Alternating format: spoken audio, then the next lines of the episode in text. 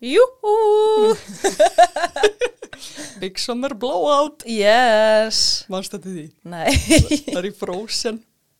Já, nei, ég, það er svo langt sinni ég sé hana. Þau Þetta fara þarna upp á fjallið og svo, júhú, Big Summer Blowout. Kallt með búð upp í fjalli sem enginn er að fara í. Það er alltaf langt sinni ég sé þessu mynd. Frábær karakter, sko. Ég var meira að hugsa um þarna, júhú, æ, Já, júhú. jú- júhú. Já. Ég er eftir komið kvef. Já, ég heyri það. Þú færð ekki frí. Ég hugsa ekki, ég hérna, ég ætla að reyna að verða betri fyrir Ítalíu en mjög ólíklegt. Já. Ég er svo lengi að losna við þetta. Það eru sex dagar í Ítalíu. Já. Eða fimm, eiginlega. Hm, Fimm. Já. Já, ég er að fara heim og sofa eftir þetta. Ég svaf ekkert í nótt, eiginlega ekki. Og geðvikt erfitt að sopna, ég var bara eitthvað, lá- var bara eitthvað að horfa á hérna í loftið og bara, hvernig fara ég fucking og svo vöknuðu við náttúrulega klukkan, ég held að það hafi verið sex á íslensku tíma Mm og bara upp á flugöll og Óhó. Ég lendi fyrir tveim tímum, Já, beint í hérna stúdíóið. já. og þú varst að koma frá Lollapalooza. Palooza? já. Lollapalooza, Lollapalooza? já. Lollapalooza. Lalla. Það var sko Lolla. Lollapalooza. Fólk segði oft bara Lolla. Já. Stóð Lolla út um allt. En þú heitir Ástildi, það var gaman. Ó, já, hérna, góð vinkona þáttar. Já. Já, hlustar. Hæja, stildur. Hæ. Takk fyrir síðast. Þú varst mjög sæt, Já. ef ég glemd að segja þér það. Hún var ógisla flott. Og þú sást Lissó. Já, heyrðu. Oh. Ooh, our goddess. Oh. Herðu, sorry að ég er að hreyfa hérna mækin. Herðu, ég fóð náttúrulega, ég kom ekki tómend tilbaka. Nó. Já, ég er hérna að fara í töskunum mína og ég er að draga upp og peysu. Í, ég gæti ekki ekki. Oh. Þetta kefti ég Lissa merch fyrir þig. Takk fyrir. Já, You're special. Uppáhaldslægi mitt með Lissó. mitt líka. Oh my god. Þetta Já. er svo falleg. Já, ég vona, ég er ánægð að þú fýlir hana, ég vona að þú getur klæðst henni, mér fannst þessi sko vera miklu meira þú heldur en svarta, þú náttúrulega ert svo Já. lítið fyrir svart. Já. Er já, Takk ástu mín. þetta kefti ég, ég var samt ekki að plana, þú veist, ég, við fórum ekki í búðir eða neitt, en ég sá Nei. þetta, eitt svartan og eitt hvítan, ég bara, heyrðu, ég tek hvíta fyrir heklu. Æ, þetta er svo falleg. Hún er svo falleg, ég ætla að vera í henn alltaf. Love it. Love it. Ég er bara meir. Ég veit það, og ég verð meir. En hvernig var Lissó? Herðu, hún var bara allt sem ég vonaðist og vildi að hún myndi vera. Mm. Hún var svo mikil fucking goddess. Ég bara, oh my fucking god. Hún er rosalega live, sko. Ég veit það og svo líka bara voru allir bara, wow, bara endalaus, bara lesa og lesa. Þú veist, það voru allir svo mikið í þessum feeling einhvern veginn. Það var ekki svona svo þegar Ed Sheeran og fólk stóð bara eitthvað og var að hlusta tónlistina. Það voru bara allir í svo ógislega miklu feeling, þú veist, þetta bara, og líka, þú veist, Sara Larsson var fyrir, þú veist, á undan henni. Já. Þannig að bara þegar hún var að klára, þá kom sko geðveiklagan, I'll never forget you. Já, já, já. Já, og þá vorum við ástildur bara að hlaupa yfir að lýsa sviðið og var sko geðveikt. Í. Þannig við komum í geðgóðum stef, stemmara og svo byrja hún og hérna, ég bara, þú veist, hvert einasta lag, ég var bara, tók alltaf upp og bara, "Ooh, love you. Elska. Já. Hvað voru mörg svið þarna? Það voru, það voru tvö svona aðalsvið Já. sem voru frekar nálagt hvort öðru. Svo var eitt svona teknotjald Mhm. svo voru tvö sviðungstöðar bara út í raskati en ég veit ekki, það var aldrei neitt einhver svona stór Já, að flytja já. þar. Sem þú þekktir.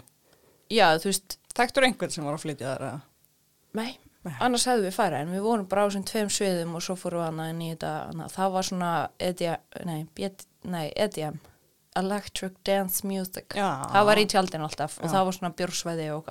Það ma maður mátti ekki drekka þannig. Þurfti þurft alltaf að fara á spesvæði, drekka og fara svo á tónleikana. Ok. mm Er eitthvað ólöglegt að drekka in public eða eitthvað? Já, pottet, en þú veist það er líka á Íslandi skilur en ég veit ekki, ég held að þetta hafi kannski bara verið til að koma í veg fyrir eitthvað chaos skilur, þú veist eins og ég man að Secret Solstice seinasta sem var haldið ég er svolítið rám. Já, já, ég veit það, já, þetta er bara svo pyrrandi en hérna já, þú veist, þá fór ég ekki en það, ég bara man að það var svo mikið svona endalsta myndbendum og myndum þú veist, sem að maður sá af því bara fólk bara dáð út, og, hérna, út á túnni og allir að æla, þú veist, ég held að hafi kannski bara verið gert til að koma í vag fyrir það, þú veist, og maður sá alveg, þú veist, fólk var ekkert blind fullt annað, Já, já. þú veist, já. Þú líka varst ekki með drikk í hendi á meðan uppbólsartistiðin var að syngja. Nákvæmlega, þannig að fólk þurfti bara, þú veist, að kýli sig, það var líka ekkert stert þannig, þú veist, það var bara bjór, vín og svona einhver drikkur sem heitir brisk eitthvað svona salsir eða eitthvað, ég veit ekki, samt áfengur, eitthvað svona applasítar Já, já, næs. það var eiginlega bara það, sko Svona Alright. vín og bjórar, þannig að allir voru bara svona gett léttir á því og bara ógæslega góð stemming þarna, uh, það voru svona svæði það sem maður var að drekka. Mm -hmm. og það var, það, það var rosa skemmtilegt. Það var minigólf og það var svona, svona hvað heitir þetta, svona það sem að kasta pókum í hólu Já, ég veit ekkert hvað það heitir. nei, ég manna ekki, svo svona beer pong nema að það voru sko risa glösin þú veist, þú getur bara staðið í glasinu og kannski kemur hausin upp úr, skilur þau voru svo stóru vorum að kasta fótbolt ofan í Já, næs. já, þetta var sko, þetta var svo svakalegt þetta var svo fattsvæg og svo var líka Parísahjól og þetta var bara, þetta var svaka stemming Oh, love it. já Oh my god. Já, og svo líka, oh my god, maturinn þarna Það er góður. inn á festivalinu, ógæðislega góður. Mm, er það ekki að þjó varst fullega? Nei, ég, þú veist, ég mætti þarna alveg, uh, ég var ein, ég held ég hafi verið búin að, þú veist, fá mér áður en ég mætti á svæðið einu sinni. og, þú veist, hinn skiptin þá bara mætti ég, fekk mér að borða og þú veist, og svo djama. fór svo að djama. Mm. En sko, eins og það var einn hérna pizzastæður þarna og pizzan, hún var svo fucking góð. Þetta var bara einhvern veginn, þetta var ekki svona get soggy, eitthvað svona þunn pizza, en það var samt heldur ekki eitthvað svona heavy Dominos eitthvað. Mm og, og það var svo mikið parmesan, hún var bara svona hvíta ofan. Svo var hérna, svo voru svona laufblöðana basil og svo var svona lítið drizzle af hunóki. Og ég bara, þetta er besta pizza sem ég smaka á æfinni. Mm. Já og svo, ég, nei, ég bara ég, ó, ég bara svona fór að hugsa um þessa pizza og svo var líka bara einhver svona hambúrgarastæður sem að sko, það var ekki hakk sem hambúrgari Já. það var rifi nautakjöt Ó, næs. já, og svona eitthvað svona peklaði laukur og surgurkur og ég bara What? What? það var svo ógeðslega góðu matur sko, ég bara wow, var upp svítan Love it. mm en já svo voru bara allir geggjaðir og gegg sól og ég fekk smá tann smá tann á bakið. En svo einn daginn var sko rigning þegar við mættum. Það var smá bumbar Já. En var hún lengi eða? sko við mættum alveg fimm. Hún var til svona hálf átta. En þá var bara þá sko sátu vinningur svona víntjaldi og vorum, keiftum tvær flöskur og vorum bara þar, þú veist, og svo þegar rigning kláraðist þá fórum við bara út og þá akkurat voru tónleikarnir svona að fara að byrja það var lissa á kvöldið Já, já, já, næs. mm en svo hérna dagana var bara hella, hella sól og ókslega heitt og, og ég var alltaf að reyna að mála með eitthvað gett fínt en það var bara svitnað og ég var alltaf með svita skeggjarna fyrir ofan viðrina og Ó. svo hérna hjá baugunum. Já. það var bara svona get patchy eitthvað, bara svona fór alveg ofin línun og ég var bara blöytur svita sko, þetta var Mhm. yndislegt. Yndislegt. Dásamlegt. já, Svo bara Italy up next. Italy, yes. Ó. hlakka til að fá mér að því að ég sko ég var ekki mikið að drekka vínana ég var eiginlega bara björnum. Og ég var ekki mikið að fá mér eitthvað svona ítalskan nema annarlega þessi pizza Veist eins og ég var ekki fekk mér ekkert pasta nema eitthvað ógslegt pasta í flug, á flugvöldinum í morgun en það var bara bara löst Já, það er bara gott að þú borða vond pasta fyrir. ég veit það Af því að svo ertu að fara hækki síðir. sko. Of the pasta pasta and pizza My Pasta í favorite. öll mál. Það, nei, nei, nei, nei, nei. Nú, Ekki það er pizza, sko. Það Nei. kemur kannski pasta, pizza, pasta. já, hún er í millimál. Já, svona háttegis eða eitthvað. Klukkan þrjú, þá pizza. Svo fæ ég með pasta í kvöldmatinn. Ó, No. það verður rosalegt. Já, ég veit það. Bara chilla. Svo kemur litli, hérna, litla pulsan. Já, Litli kall. hún er að fara að fá pulsuhund. Já, lítinn, lítinn baby boy og svo, og, og svo verður líf, lífið hérna, nei, húsið fullt af lífið að því að við eigum líka von á kællingum. Já, það verður nóga dýrum. Ó, þetta verður svona hefn. Mm ég veit það, puppy and kitty heaven, Mm ég get ekki beðið. Ég er svo til, ég, ég er svo, ok, ég er mjög spennt fyrir Ítalíu en ég bara, ég, ég bara fekk svo mikla svona heimþrá þegar ég var úti. Mér langaði svo mikið bara hitta kísuna mína, vera upp í rúmi, knúsa Mhm. mömmu og pappa, þannig ég ætla svona hlakkalið til að koma heim eftir Ítalíu og gera það. Já, Hilsa upp á killingana og sinja. já, hún er líka ólétt. Og það var alltaf, hérna, er eitthvað að gerast? Og svo var mamma alltaf að senda mér einhver myndbönd af henni í, í kassanum sínum, sko. Og ég held alltaf að, hérna, hún væri búin eiga. já. En svo var þetta hún bara að chilla og ég var alltaf bara, mamma, mami. Love it. Já. En þú, hvernig var, hérna, hjá þér meðan ég var úti? Bara dásamlegt sko, ég er búin að fara í sund tvisvar í dag. Í dag? Ó, næst, það er náttúrulega 20 stig úti. Já, ég fór í einn og hálfan í morgun sko og svo kom vinkona mín Aldís úr Keflavík með Freysa, litla kallinn hennar sem er að vera eins ás. Og við fórum eitthvað í smára lindina og rúnduðum eitthvað og, og svo bara fór ég aftur í sund áður en ég kom eitthvað. Oh, kósi maður. Já, svo, það er svo mikið sól og ég er Já. í fríi. Já, oh Eða þú veist, ég er að vinna í nótt. En, En þú ert samt í fríi í dag. já, ég var ekki að vinna seinustu nótt. Nei. Þannig að ég, ég er að reyna að nota sólina eins mikið og ég get, sko. Já, úf, náttúrulega ekki búið að vera mikið eitthvað, mikið sólusumar. Nei. Búið að vera svolítið leðilegt svona rigningasumar. Ah, þetta er búið að vera bara leiðilegt, sko. Mm. En það verður kósi hjá okkur nýstal. Já, Verður jú. ekki gott verið þegar þið farið? Það veit ég ekki. Hvernig farið þið? Á miðvikundaginn. Ok. Úf, Ég þarf að fara að pakka. Já.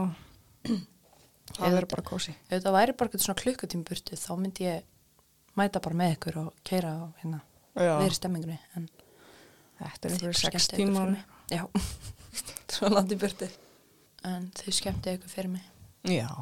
Og við senduðum myndir og þú sendir okkur af. Ítalíu Og pítsunum já. og kettlingunum. Vonandi verða það komnir áður og ferð. Já, ég vona það. Af því að ef þeir verða ekki komnir áður en að ég fer, þá veit ég að þeir verða komnir þegar ég kem tilbaka. Mhm. Vist, það, hún er komin það langt Já. að hérna, hún sagði, já, vika tíu dagar. Já. Geti komið í dag. Ég er bara svona að vonast til að þetta gerist í dag, sko. Mm Vonandi bara fyrir lögudaginn. Já.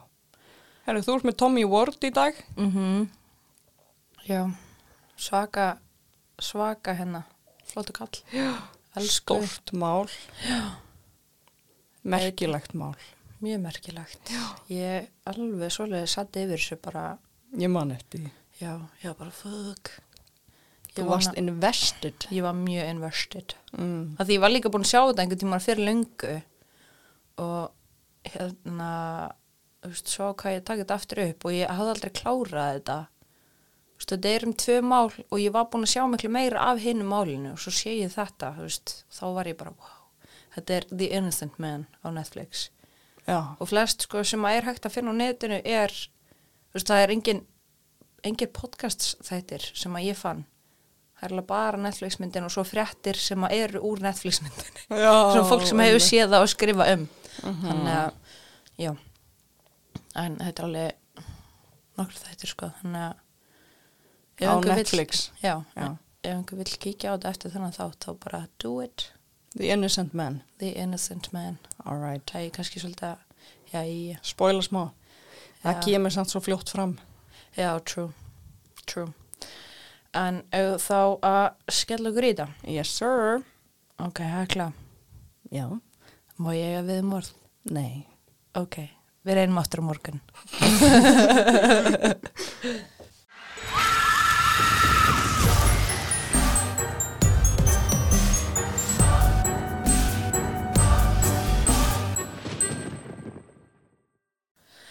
Við erum stöndi í Eita í Oklahoma. Það er lítill bær sem er mjög trúaður og kirkja á hverju hóðni. Það er, hvað, Heitir ekki Oklahoma? ég Oklahoma? Holma? Ég, ég segi það alltaf Oklahoma. Oklahoma? Oklahoma, já. Já, já. Uh, það er tölverð fátæk þarna og lögreglu police brutality Mm. Og þeir sem eru fátækastir eru undir svona sérstaklega smásjá hjá lögreglunni og var allavega þá. Donna Denise Haraway var ungkona, 24 og henni var sem miklum dugnaðar fork. Hún var að læra kennaran í East Central og samhlega því var hún á bensínstöðinni McAnally sem kassakona. Donna var nýgift, búin að vera gift í áttamánuði og hún var bara freka flott kona sem átti framtíðina fyrir sér. Kvöldi 28. apríl 1984 hvarf Donna Denise úr vinnunum sinni á bensinstöðunni McAnally, elska nafnið, Kveikt síkaretta, opin bjórdós og taskanannar voru fundin af viðskiptavinni sem kom inn í búðina og einning var kassin opin og sem að þýtti að greinlega var búið að ræna búðina. Uh Eita lauruglan, Oklahoma State Bureau of Investigations eða OSBI og FBI voru kallið til að rannsaka málið. FBI? Já, Já. já, það var frekar svona, Stórt dæmi. frekar stórt sko, mikil neyð í þessu og Mm. það var alveg sett mikið púður í þetta. Já, ok. Flott. Tvær myndir voru teiknar út frá viðskiptavinnum sem að lístu konu ganga út úr bensinstöðinni með manni og fara inn í rauðan og gráan pick-up. Margar vísbendingar bárust lögreglunu um að maður á teikningunum líktist Tommy Ward, strák sem að bjó í eita. Hann Tommy Ward var strákur á þrítusaldri þá. Hann var mjög góðu strákur en drakk svolítið mikið og var líka í smá neyslu. Og sýstir hann lýsi því að hann alveg bara gjör breyttist þegar hann drakk yfir einhver aðra mannesku sem hún þekkti ekki. Mm. Fjölskyldan var mjög fátæk og fólk vissi alveg að lögreglun líka ekki við Tommy og höfðu séð þá berjan út á götu. Wow. Já, þú veist, það var einhver stelpa sem að listi bara þau voru saman í bíl og svo stoppaði lögreglun bílinn og tók Tommy út á bílnum og bara buffið hann, sko. Ok, Jesus. Já, veist, það var eitthvað, þau höfðu eitthvað á móti honum og fólk vissi að það var bara, veist, fólk talaði bara um það að því að hann og fjölskyldan voru fátæk. Lögreglan fer á heimsæki Tommy. Þeir segja, já, við vitum að þú ert fættur upp aln hérna og okkur vantar bara hjálpa að finna þessa menn. Og hann segir, já, ég veit ekkert hverju þessi menn eru og ég geti raun lítið hjálpa ykkur. En þeir hætta ekkert og segja bara, já, þú þekki bæinn svo vel og, og þú ert bara flottu gæi og þú getur örgulega hjálpað ykkur og fá hann þannig upp á stöð og hann samþykir bara, já, já, ég, er alveg, ég get alveg svo sem. En ekkert kemur úr því og hann fæ bara að fara heim.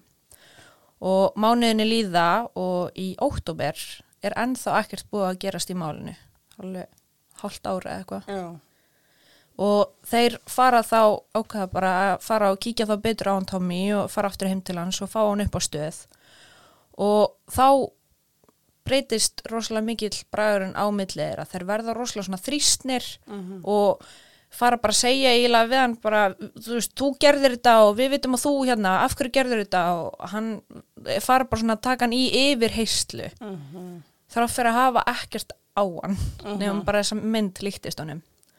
Og hann hérna er þarna í marga klukkutíma og gefur sér ekki.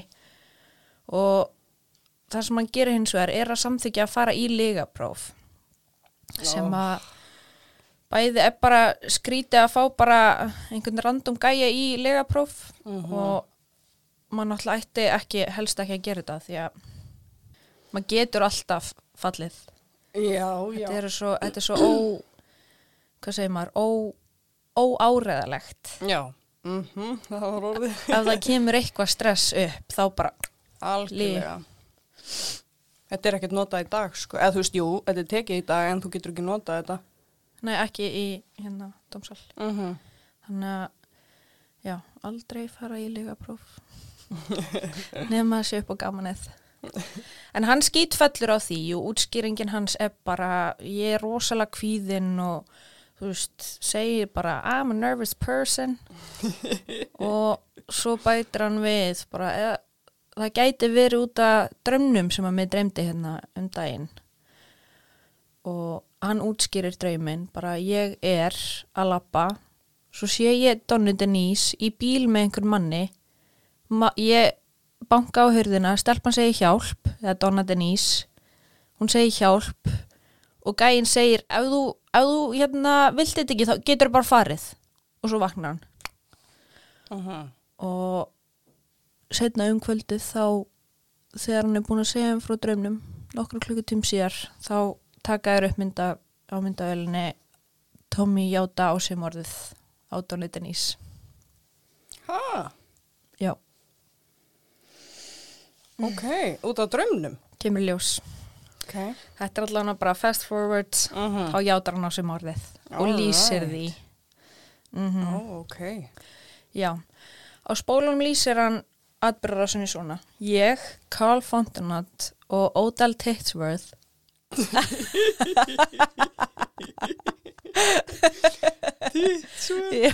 Já, Við erum ekki vera að hlæja nöfnum, en þetta er mjög gott. þetta, þetta er samt bara geggja nafn Já, og happin hann eiga. Mm Ég, og ég segi frá þeim aðeins á eftir. Við fyrum upp á bensinstöðuna McAnally. Við sáum Donnu Denise inni, Odell sækjarna og kemur með hann út í bíl. Við keirum upp í skó og Odell byrjar að nauðga henni og svo skiptust við á, við þrýr. Eftir það stingur Odell hana, við setjum hana inn í kofa í skóginum og brennum hann. Hann er að lýsa henni frá toppi til táar og svo lýsing passar alveg við Donnu og meiri segja smáadriði eins og hún var í blári blússu og hún var með einhverju mynstri og þessi bláa blússa og þetta mynstur passaði nákvæmlega við skýrtuna sem hún átti að hafa verið í þegar hún hvarf. Ok. Þeir fara strax svo handtaka Karl Fontenont en þegar þeir ætla að fara að taka inn Odell Titsworth þá kemur mammas til dyra og hún segir bara að það kemur ekki til greina að hann væri partur af þessu að því að hann handlegsbrotnaði tveimur dögum áður en að morði átti sér stað og hann var svo illa brotin á handlegnum hann gati ekki hreift sig og þurfti að sofa sitjandi og já, útilokar hann þannig bara frá glæpnum. Og það passa alveg, það var alveg þannig í sjúkraskíslunum og veist, stóðst alveg, en þarna er komin svona smá hóla í söguna sem að hann Tommy segir. En þeir tala við Carl Fontenont og hann staðfestir bara á myndbandi allt sem hann Tommy segir. Svo þeir tveir eru handteknir fyrir mannrán og morðið á henni Donu Í réttasalnum kemur saksóknar með frekar áhugaverða skýlingu á þessari hólu í sögunni hjá Tommy. Og hann segir að Tommy sér sig sem Odell gera þessa hluti. Hann getur ekki hugsa sér að hann sé svona vondur einstaklingur þannig að hann bætir Odell við í söguna og segir til dæmis Odell var fyrstu til að nöðgani og Odell stakkana en í rauninni var það bara hann sjálfur sem að gerði það en hann bara sá sig sem Odell. Hvað kjaftaði er þetta? Já, ég einhvern veginn Ég myndi ekki kaupa þetta. Já, þú veist, ég er að minna, ég gæti alveg trúa því að einstaklingur gerir þetta. Já, já, jú, jú, kannski. Þú veist, þetta er En öruglega, mér finnst þetta svo far-fetched. ég veit að ég er að minna þeir hljóta, ég veit ekki, þú veist, maður myndi náttúrulega fara bara betur í þessa hólu og reyna að skoða bara, ok, Já, hvað gerðist í já. alvörinni og það er svolítið svona eins og hann feb bara og tekur þetta upp og bara, ok, þetta gerðist bara, hann bara ímyndaði sér að hann væri Odell og eitthvað, Mhm. en ég held að þetta sé alveg hægt í alvörinni, að fólk bara, þú veist, sér einhvern einstakling Mhm. Í, út frá sínu sjónahorni en það er náttúrulega bara, já. Ég held Já, að það sé alveg hægt. Já, já, það er hægt, svo sem. en þeir eru með vitni sem að var með þeim í fangelsi áður en að réttarhöldin hófust. Og það er kona sem að lýsi því að þeir hefðu sagt henni frá morðinu og voru að monta sig af því. Kona? já, kona var ok, já, þetta var kona ég veit ekki hvernig fangilst það var en þetta var greinlega bara ég er að hugsa hvort þetta hafi bara verið upp á stöðinni þar sem að hún satt og var að býða eða eitthvað, Mm. ég veit ekki ég veit ekki hvort þetta hafi bara verið full on fangelsi þar sem að voru bara bæði kynin, Já, já. en ég, ok. já ég, En það var kona þetta var kona, já ok. Þeir sögðu henni hvað gerðist um kvöldi í smá atriðum og þrátt fyrir ekkert lík nýja sönnunagögn þá var saksóknarinn með þetta vitni og þessa játningaspólur sem að leikti til sakfellingar og þeir fengu báðir döðarafsingu. Ok. Mm Myndur þú segja að þetta væri komið?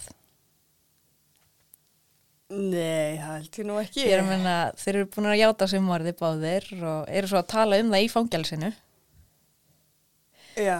Já, nei, þetta er ekki komið. Nei. Líkamsleifarnar Donnu fundust fimm mánuðum eftir réttahöldin og þá komu ímsil hlutur í ljós.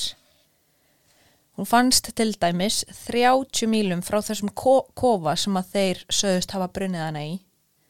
Hún var ekki í þessari bláu skýrtu sem að þeir lístu í yfirhyslunni og í kröfningaskíslunni þá kemur fram að dánarauksökin var skotsár í höfði.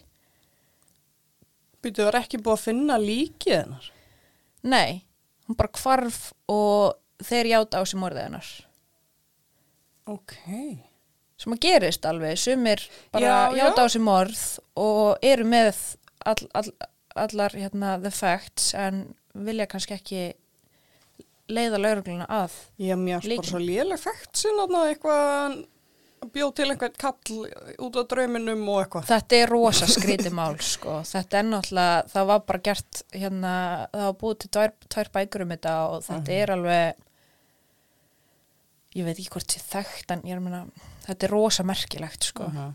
hvernig þ- bara réttakjörfið gjörsamlega bregst þessum Tommy sko og Carl Já. alltaf fara bara í fangelsi og fá döðaröfsingu Já, segð mér meira. Já, það er sérst skotsár í höfði en það kemur ekkert fram um stungusár, bruna eða kynferðsábildi Ok.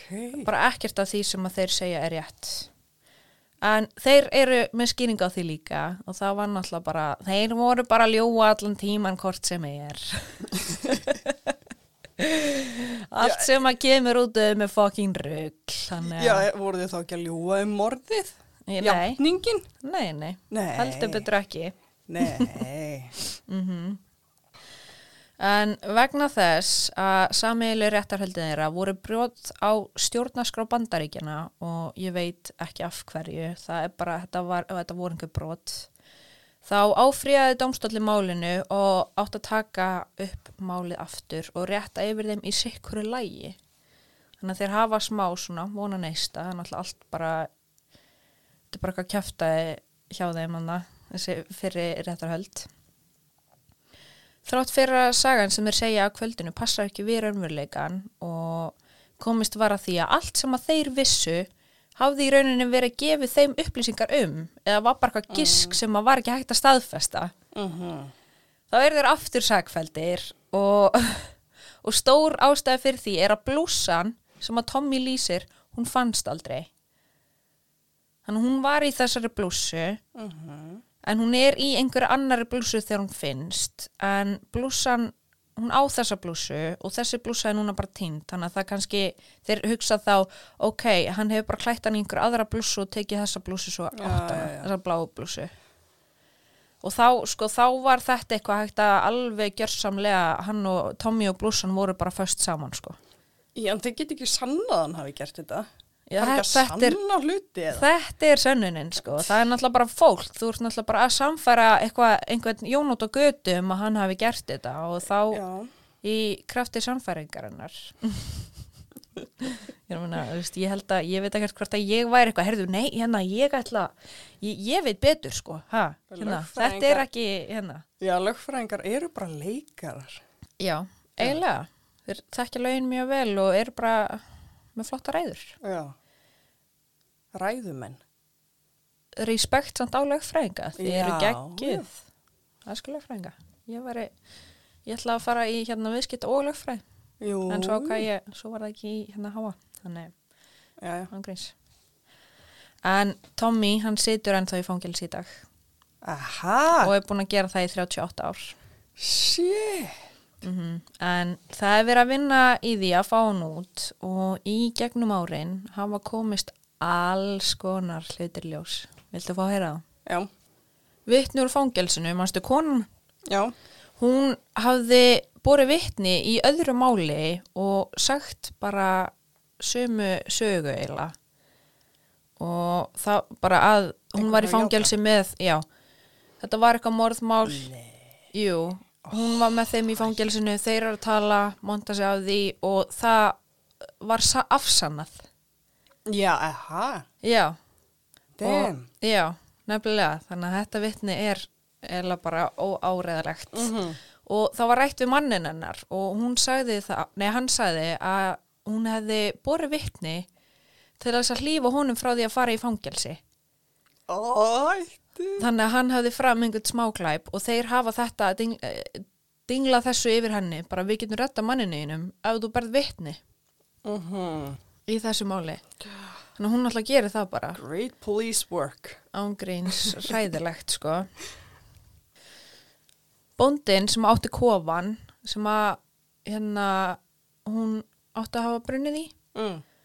hann hafði brunnið hann sjálfur og mörgum árum áður en að morði átti sér stað. Og hann gerði það bara því að hún fannst komið vera ljótur.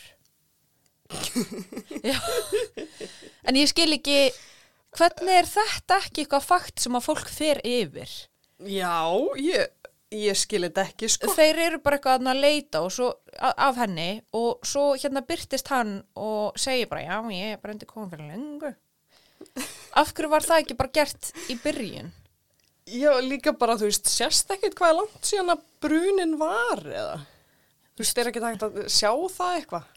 Ég veit ekki, þeir fara náttúrulega ekki í annað, þennan dómsal eða til réttar fyrir einhverju ári eða eitthvað Já. eftir að þú veist það er náttúrulega þeir fara þeir fara og tala við hann fyrst bara nokkrum dögum eftir þetta svo líður hálft ár þangað til að þeir fara og byrja þá að yfirheyra hann aftur Já.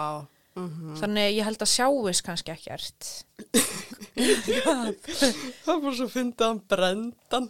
já, og such an asshole að segja það Akkur er málaðan hann ekki bara. já, ég segi það þannig að það er örgulega geta gert eitthvað fint við hann Já. Fundnar voru skýslur frá málinu upp á, og býtu, 860 blaðsjur sem að vörnin fjekk aldrei í hendunar. Ha. Já, sem að er náttúrulega bara feitt brot á Já, stjórnarsýslinni. er það ekki ólöglegt? Jú, þetta er bara, hvað heitir þetta? The, the Constitution. Þetta er hérna lögbrot og kallast The Brady Law, sem að er Já. eitt og sér bara mjög merkileg saga, The Brady Law. Hefur heyrt um það? Nei. Hvað ég var að segja það einhvern tímann.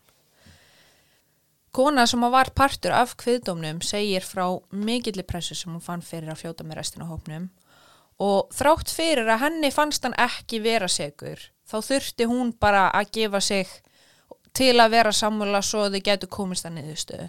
Uh Þannig að Það er oft þannig held ég. já, maður þarf náttúrulega bara að finna sammeila niðurstöðu Mm -hmm. en það getur samt alveg þýtt að hann, þetta var kannski ekki alveg örugt og maður kannski ekki allt hvað hann væri sigur Já, já, algjörlega. Og, og ef þessi kona opnar sem þetta þá hlýtur að hafa vera einhver annar ef ekki nokkraðurir í þessum kviðdómi sem að örgulega hafa verið bara heyrði, pff, þetta er þetta er svolítið skrítið en ég ætla bara að vera sammála hinnum Mm svona hjarðhægðun Algjörlega. Tommy, hann var í partí í kvöldið sem að morði átti sér stað og fréttakona sem að var að fara með fréttir af fréttahöldunum, hún sér hann í þessu partí og ber vitni um það í setni réttarhöldunum. Bara, ég var í þessu partí, ég sé Tommy þarna og þú veist, og þetta var bara þegar morði átti að vera að eiga sér stað, þannig að hann er Já. bara með fjarvistar sönnun. Nei, hei. Og situr ennþá inni. já.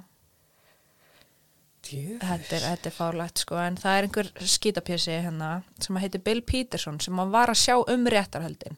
Einhver svona risa, risa, risa kall sko, Mhm. svaka kall og þegar hún er búin að bera vitni þá hérna fer hún bara fram og hann hleypur bara eftir henni, kemur fram og bara tókti þetta tilbaka og bara er bara brjálaður út í hann rauður fram á hann, ógeðslega ógnandi. Og hún bara, þú veist, var ógeðslega hrætt en tók það samt ekki tilbaka Gekkjuð. en mér finnst, skrít, mér finnst bara svo skrítið að hún hafi sagt þetta. Bara hann er með fjárvistasönnun en samt er hann sagveldur mjög skrítið sko. Gott já hennar standa sínu líka. Já, og þetta er ekkert lítill kall, sko, hann er hjút, alveg bara, þú veist, geðveikt stór og, þú veist, og bara á bæinn, sko, og hann var setna, sko, eitthvað var handtekinn fyrir einhverja svona spillingu og eitthvað, Já, einhver, Flottur. einhver algjör, sko, flottur. Já, flotti kall, hann er maðurinn.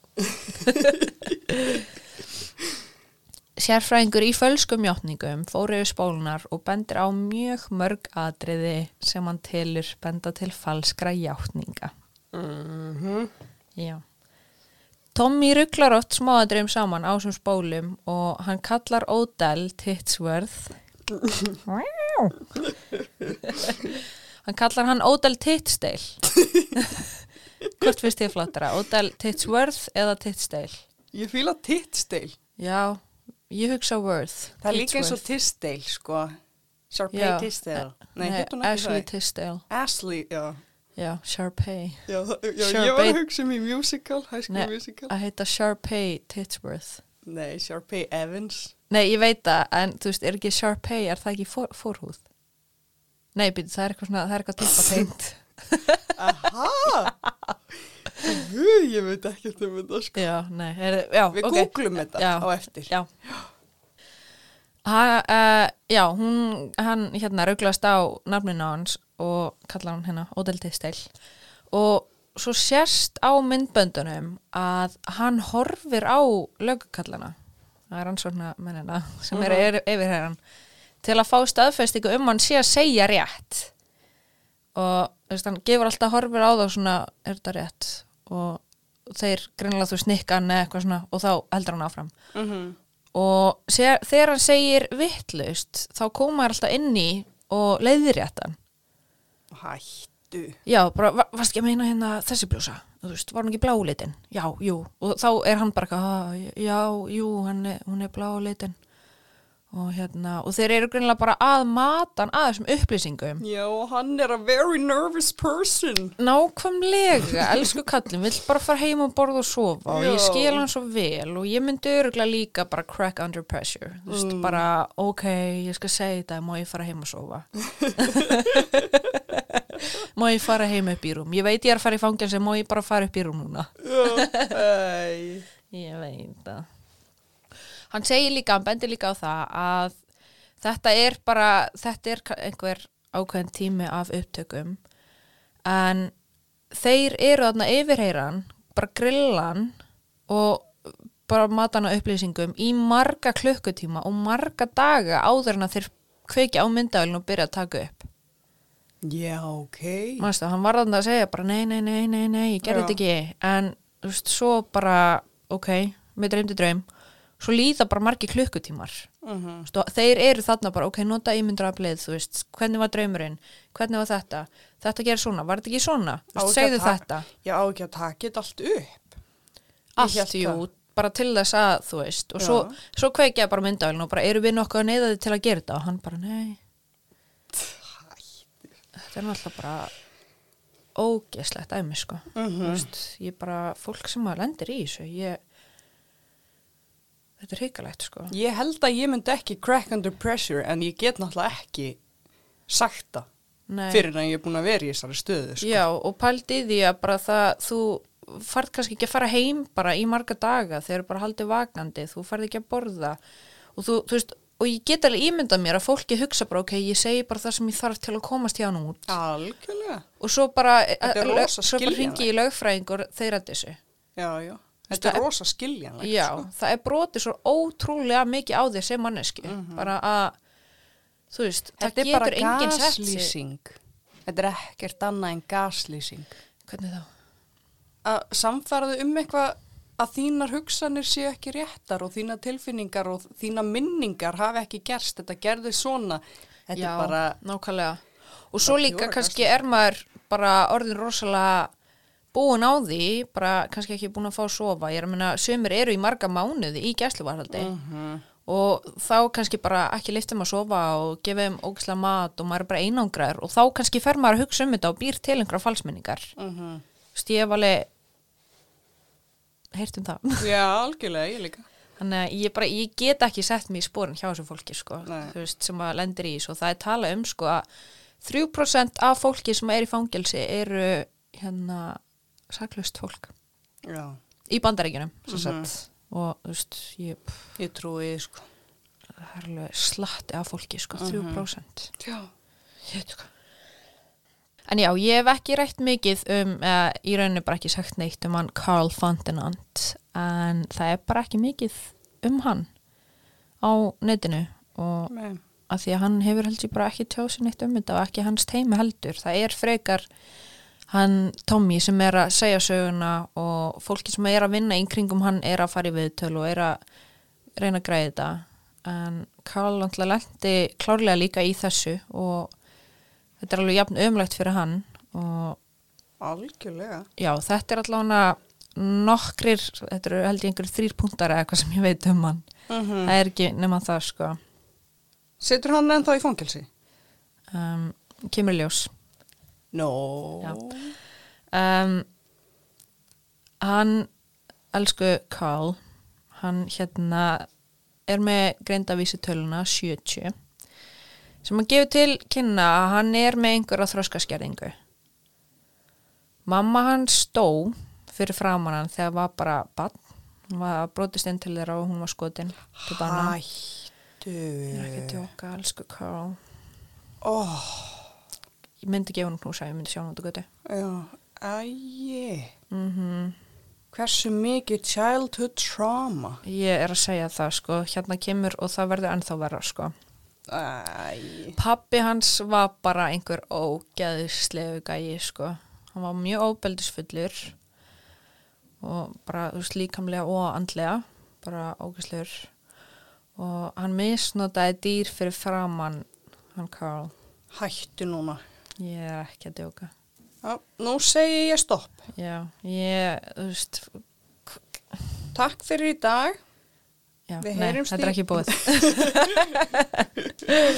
þetta er bara ógislegt sko en hérna þetta er það einn sem ég veit um hann bara þessir þrý hlutir en vegna þroskaskerðingarnar var mun auðveldara að brjóta hann niður í yfirheyslunum og fá hann til að segja bara það sem að þeir vilja og sérstaklega þar sem að þeir voru nú þegar komnir með söguna frá Tommy eða búinir að búa til sögu með honum. Uh -huh. þá, þú veist, hann höndlar ekki jafn mikla pressu á Tommy. Já, svo gerða það bara verra að þeir eru með sögu og þeir fá hann bara semi til að staðfesta og hann alltaf bara gerir það. En hvernig þekkjast þeir? það er nefnilega málið, þeir þekkjast ekki neitt þetta var bara út, þetta er bara út frá þessum teikningum, það voru teiknar einhverja tvær myndir og hérna þeir fengu símtöl að þetta var eins og Tommy og svo var þetta eins og Carl Fontenant og þetta var eins og Titsteil Titsworth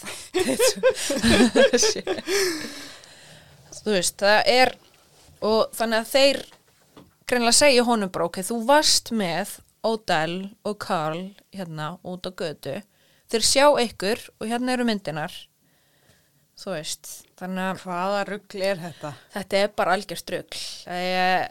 Þetta, þetta verður verra sko. Var Það bara tekið undirbúið þetta fram í byrjun dómarins, þú veist, að þið þekktust ekkert? ég bara veit ekki, þeir náttúrulega sögðu bara að allt sem að koma út úr þeim var bara rugl. Þannig að ég þú veist, ég veit það ekki sko Ok. Já, en, en samt á sama tíma þá getur, þá getur Carl ekkert verið eitthvað tekin líka bara þetta því að hann þekkir og hérna, hann þekkir hann Tommy þú veist, ef ég myndi gera eitthvað þá geti fólk ekki, eða þá geti lauruglan ekkert tekið þig bara, heyrðu, já, þær eru vinkunir, þá er hekla líka seg Já, nei, en að því að þið voru tveir á myndinni, voru tvær myndir, Já, fattarðu? en það er og svo bara- þekkjast þeir ekkert. Já, en ég held að þessi mynd, sko, sé bara teiknuð, þú veist, þetta á að vera sami maðurinn Já.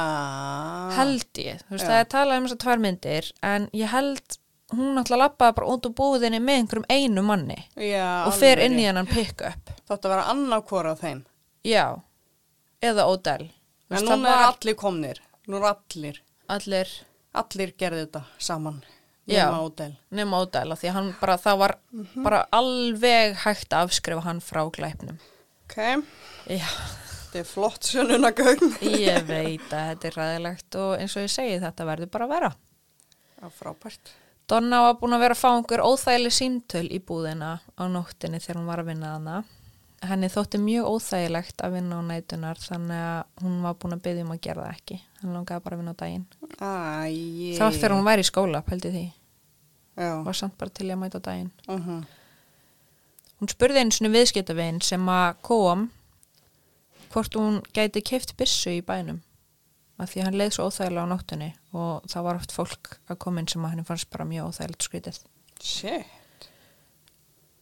myndur sætta þig við þannig vinnu aðstæður bara þú ert Aldrei. hrætt um líf þitt og þið langar að Aldrei. kaupa þig byssu Ég get náttúrulega sagt að ég mun aldrei sætta mig við það af því að ég er í af því að ég er bara heppin hvar Já, ég reyndar. lífinu sko. og bara á Íslandi Já, þú veist, ég er forréttinda hvít kona sko. já, reyndar en, frá, frá líka. bara meðalstjætta fjölskyldu sko. já, reyndar uh, en, Þannig að- hérna, já, þetta er Þannig að ég get svo sem ekki sagt til um það sko. nei, en já, hún en alltaf hún var búið að líða mjög illa í vinnunni Mhm. og ég, er- ég, er, ég er alls ekki að hérna, með eitthvað victim blaming en ég er bara svona, þetta eru bara svo svakalega aðstæður að ég Já, get já. bara ekki sett mér í þessi spór Nei. ég væri bara löngum farin og ég myndi hætta og ég myndi bara ekki að sjá þú veist, ef, ef ég myndi vera búin að vera að fá einhver sí, símtöl og eins og í hryllingsmyndunum Já, þú veist, ég bara, ég fæ gæs og sko. Mhm. en hún ætlaði hún ákveður bara að halda áfram og ætlaði bara að köpa sér byssu og eitthvað sterk kona Já, grjótur sko. En þeir taka á báða inn út frá einhverjum draum sem að allavega Tommy lýsir en staðrendi var bara þannig að það var mikið af fólki að dreyma máli á þessum tíma Mhm. já, þú veist, það er bara það er greinlega bara fólk er að hugsa um þetta og þetta er rosalega svona skeri fólk er hrætt þannig að það dreymir um hana og um orðið og veist, það var bara fó- það vissi að veist, fólk vissi það Mhm. að þetta var svona vita í bænum.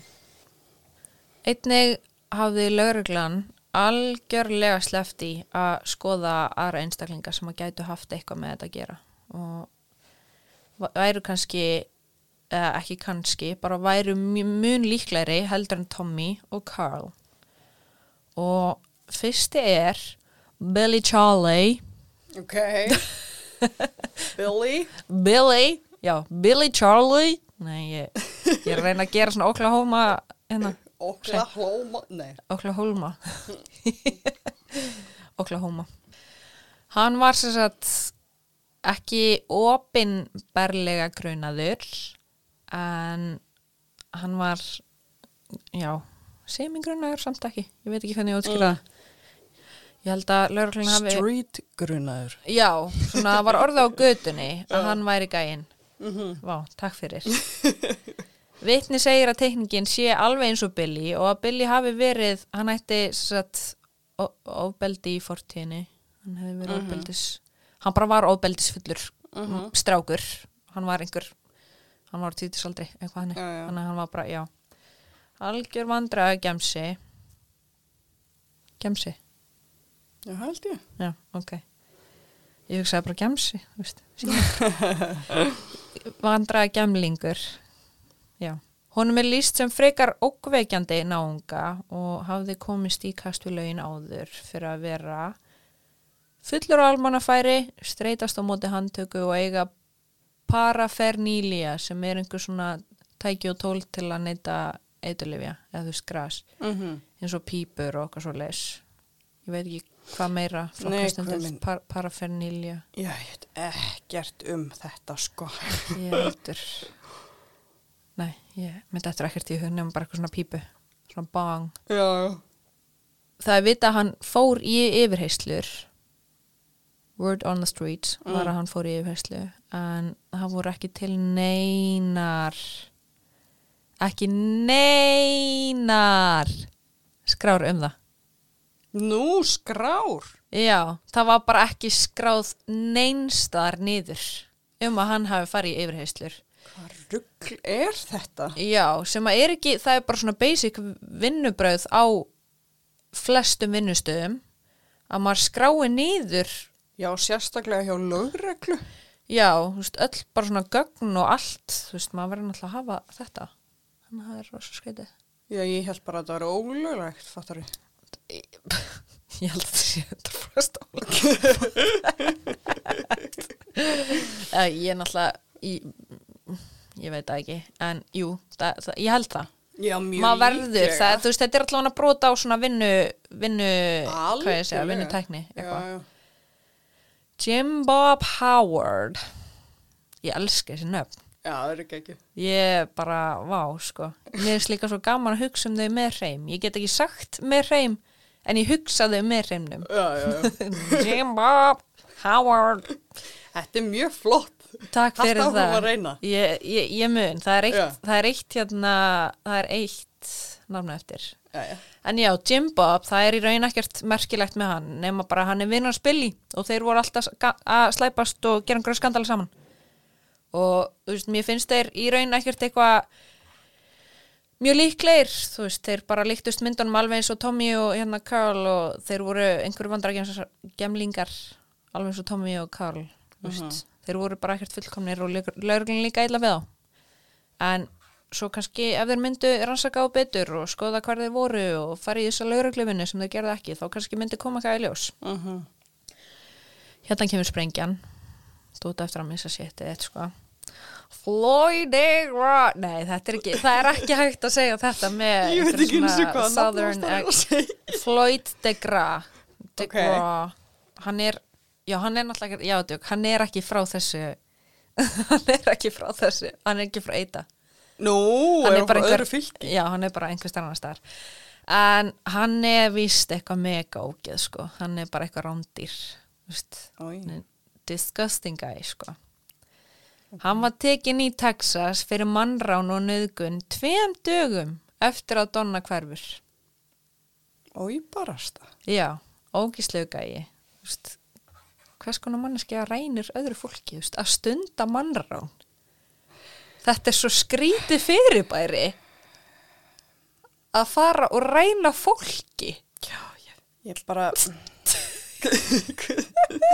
Læti svo fucking ég bara, að, hvernig er þetta til? Ég, ég, ég veit, ég bara... þetta er svo Mér finnst bara erfitt að tala um þetta. Mér finnst þetta svo fjarrri lífinu mínu, raunveruleika mínum, gildi mínum. Ég bara, ég, ég, ég, ég skil ekki.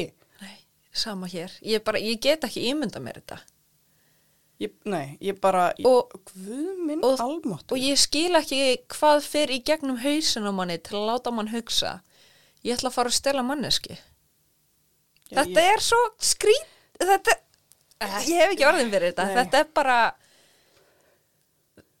Oh, já, ég bara ég, ég held ég þurfa að fara í styrtu á eftir og sittast og hugsa um þetta sko. þetta er svo, þetta er svo þetta er eitthvað með power, sko. Það er eins með nöðgun líka. Það er að vera með power yfir annari mannesku. að það, Já, það er alltaf að tala um að nöðgun sé já, hérna. 100% já. nöðgun sko. og ég held að það sé líka með að ræna fólki eins og nöðga, það er að eitthvað power, þetta er bara eins og með hann hérna R. Kelly, ertu búin að sjá Surviving R. Kelly? nei, ég þarf að fara að horfa á Já, það það er geggjað sko, en þú veist, hann var aldrei með power sem krakki og minnum að frændans eða eitthvað nöðgaðunum og eitthvað, bara þú veist, þegar hann var lítið barn og svo þú veist, verður hann fullorðin og loksins er hann með power yfir öðru fólki og hann er akkurat að ræna konum og nöðgaðum og breyt, þú veist, að láta að klæða sig eins og strákar og eitthvað. Þetta er bara eitthvað að hafa völd yfir annari Já. manneska því að þú fegst ekki völdin yfir þér, held ég, í langflestum tilvikum allavega. já, það meikar alveg sann sko. Já. það, já En já, þetta er svo langt fjarrri já, öllu sem ég þekki. litla Ísland sko. Þetta gerist öruglega á Íslandi en maður veit bara ekkert um það Já, já, já, alveg pottið. Þú veist, maður veit um nokkuð mál, en Ég veit um, ekki um neitt. Ekki? Nei. Já, aftur af Floyd DeGraw, hann sem sagt var tekinn hann í Texas, tveim dögum eftir, að, eftir donu. Lögreglan leitar í bílnum hans og finna tvö skilriki hvenna frá eita. Nei.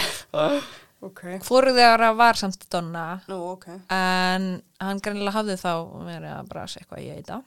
Mm Bílinn hans var fullur af blóðblettum og mannst þetta skirtinni sem ég var að segja frá þann. Bláu? Já, Já. hún finnst, eða ekki hún, en það finnst þannig skirta í bílnum. Ha? Já, svona blá með einhverju mun, ákveðnu munstri. Ég man ekki hvernig En munstri þetta var ekki hennar persa eða? Vitað ekki. Það bara hefur ekki verið kýkt betur að Hættu. þetta er ekki grín, sko. Þetta er ná... Ó! Þetta máli leiðilegt, Sara. Ég veit að ég er alveg að klára og þetta er náttúrulega bara það versta við þetta, sko. Veist, þessi fucking gæi, sko. Já, og svo situr hann ennþá inn í fangelsi. Þetta er 38 ár. Ég veit að, elsku Tommy, krútlegasti maður bara á jörðinni, hérna. Aha. Hann hérna gamall kalli eitthvað, I'm a nervous person. Ég vil langa bara klúsa hann. Mér langar að bíða honum heim í kaffi. Já, þú heldur hann sé 100% saglaus. Já, það er bara búið að afsanna allt sem, þú, veist. Og hann er ennþá 38 árum setna að berjast fyrir þessu. Mm Þú veist, þetta er náttúrulega bara Það hrikalegt. klikka, sko. Já. Hann flóit var náttúrulega með hann bíl sinn sem að var svona pick-up, rauður og grár. Já, hún var sótt að. Já, Herðu. yes. Og í afturúðinni var búið að gera svona, svona og skrifa Já, svona, í gegnum andadráttinn. já, Floyd loves Donna. Hættu! ég, Hættu! ég er ekki að grínast. Ég, ég, ég ætla að veði öllum mínum pinningum á að þessi fóhinga ég hafi myrt hana. Það er bara, Hættu! þetta er bara við erum með peysuna, hann var í er- eita, hann er að ræna og nöðga og Af hverju er Tommy ennþá í fokking fangelsi? þetta er bara svona í kerfið, það er bara búið að bregða svona Tommy okkar. Ég er bara þessi elsku kall, mér langar bara að skrifa hún um bref bara hvað hann er sterkur og flottur og hann er bara eitthvað, I found God og Æ, ég veit það. Eigum við að senda honum bref? Ég held það. Já, ég, ég gerum það. Við erum að vinna saman á föstudaginn. Setjast þá niður og skrifum hann bref. Ó, já. En já, þrátt fyrir allt þetta, þá var hann aldrei formlega tengdu um álið. Þeir kannski skoða hann eitthvað. Hvernig þá? Við erum bara enga skýslur, skiljur eins og hann hinn, Billy Charlie. Ok. Já. En hérna, eftir hann slapp, ég veit það ekki, hann slapp eitthvað, held ég, úr Texas, þá fer hann strax bara um leið, fer hann vir- til Virginia og er sakfældur þar fyrir morð á konu og er hann í fangelsi í dag. Já, já, ok. Já, það hann er gott, allan, hann er allan í fangelsi og hérna og það er eitthvað tekið viðtal við hann og hann segir í þessu viðtali að hann sagt myndi koma fram og segja bara ef hann hefði dreipið hana. Hann er alveg búinn að vera svolítið að opna sig með hinn og þessa glæpi sem hann framdi meðan hann var úti og hann bara eitthvað, ég myndi alveg segja ykkur það en vistu, ég bara haldi fokkin kæfti í Trúi þú ert að fokkin ljúa í alvegni, Ég trúði ég ekki. nákvæmlega ekki Þetta er lang þingsti dó... Nei, kannski ekki. Hann er náttúrulega, hann draf konu. Hann draf konu, já. En þú já, ég veit það ekki. Trú ekki. Ekki heldur. Þú veist, akkur ekki skoða það blóðblætt í bílnum. Já, hvað rugl er þetta? Þeir, Ég... þeir hljóta að vera einhver starf með hennan bíl. Ég trú ekki að það sé bara, já, já, ok, hérna, farið með hann. Já. Eða blússan. Þú veist, akkur er ekki tekið blússan inn og bara, heyrðu, skoðum þessa blússu núna. Kannski hérna passa hann við Donu. Já, Donna Denise. Það er svo fallegt nafn. rosafalleg. Árið 2022 voru kærunar á Tommy látnar nýður og hann átti, manstu, vegna The Brady Rule. Mm. Þau fengi ekki allar skýslunar. Já, 820 blasjur. Já, brot á stjórnarskráni þá átt hann að fá að losna úr fangelsi. Það var einhver kona sem að dæmdi það. Þetta var hérna í meðu COVID. Og hann átt að fá ganga laus en þurfti að býða í fangelsi meðan ríkið færi yfir þessu ákvörðin og í ágúst árið 2022 Já, var þetta dreigð tilbaka okkur. ég bara, þetta var bara eitthvað þeim fannst þetta ekki nóg sannfærandi eða eitthvað ég veit það ekki Æ, Sara, Ég veit það, en hann er sko, hann er með rosa flott teimi sem er bara áfyllu að vinna í því að koma hann út. já, það er nú eins gott eftir þessi 38 ára sem Elsku komið gott teimi. Ég vona hann fái bara mesta peningi heimi og bara geti átt gott líf. Hann er sko, hann, þú veist, ekki bara það, hann er búin að vera næstu í 40 ár, hann er bara orðin gamall maður. Uh Það er bara allt lífið hans er farið. Já, þú veist, það er ekki eins og hann geti eitthvað orðin, þú veist, kannski færtur og getur komið úr fangelsi og fara að byggja hérna eitthvað og gera, þú veist, láta eignast sem barn. reytast. Já, nákvæmlega. Já, ég- Eignast maka. Já, Kannski getur hann eignast maka en þú veist, hann, það er bara svo mikið búið og það er aldrei, hann mun aldrei fá þetta tilbaka. Pældi í því ég veit það. Að það er bara tekið, bara, ég myndi snappa hérna fingrunum mínum og þú ert allt í einu orðin bara 60 eitthvað, 64 eða eitthvað. Uh Þetta er svo sorglegt. Þetta er hrikalegt. Mm En máli hans Carl Fondinant, af því að þeir voru náttúrulega með sikkurt málið, það var bara, það var látið falla niður og sagt, í rauninni svona endurnýjað, Ok. ég veit ekki, það var, en hann er allavega laus, það er búið að beila hann út, hann er laus og er að býða eftir réttahöldum. Já, nú, já, ok, hann getur fara áttur inn. Já, en ég bara, ég Stóreyfa myndi, já, ég myndi missa trú á mannkinninu ef að hann myndi fara aftur inn. Já, já.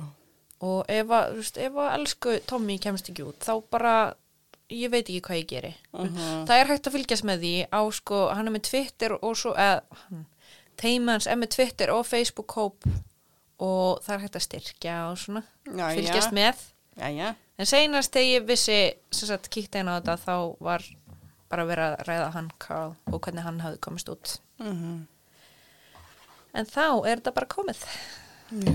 hvað segir þið? Æ, ég er bara í fílu.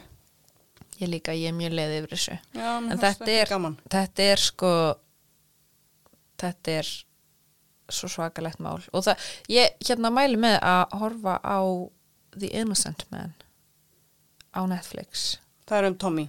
það er um Tommy og annað mál. Og þetta er bara, þetta er svo brenglað dæmi, þú veist, það er alveg það sem ég er búin að nefna, en það er, kemur líka bara svo margt annað fram Mm um þetta, þannig að bara do it.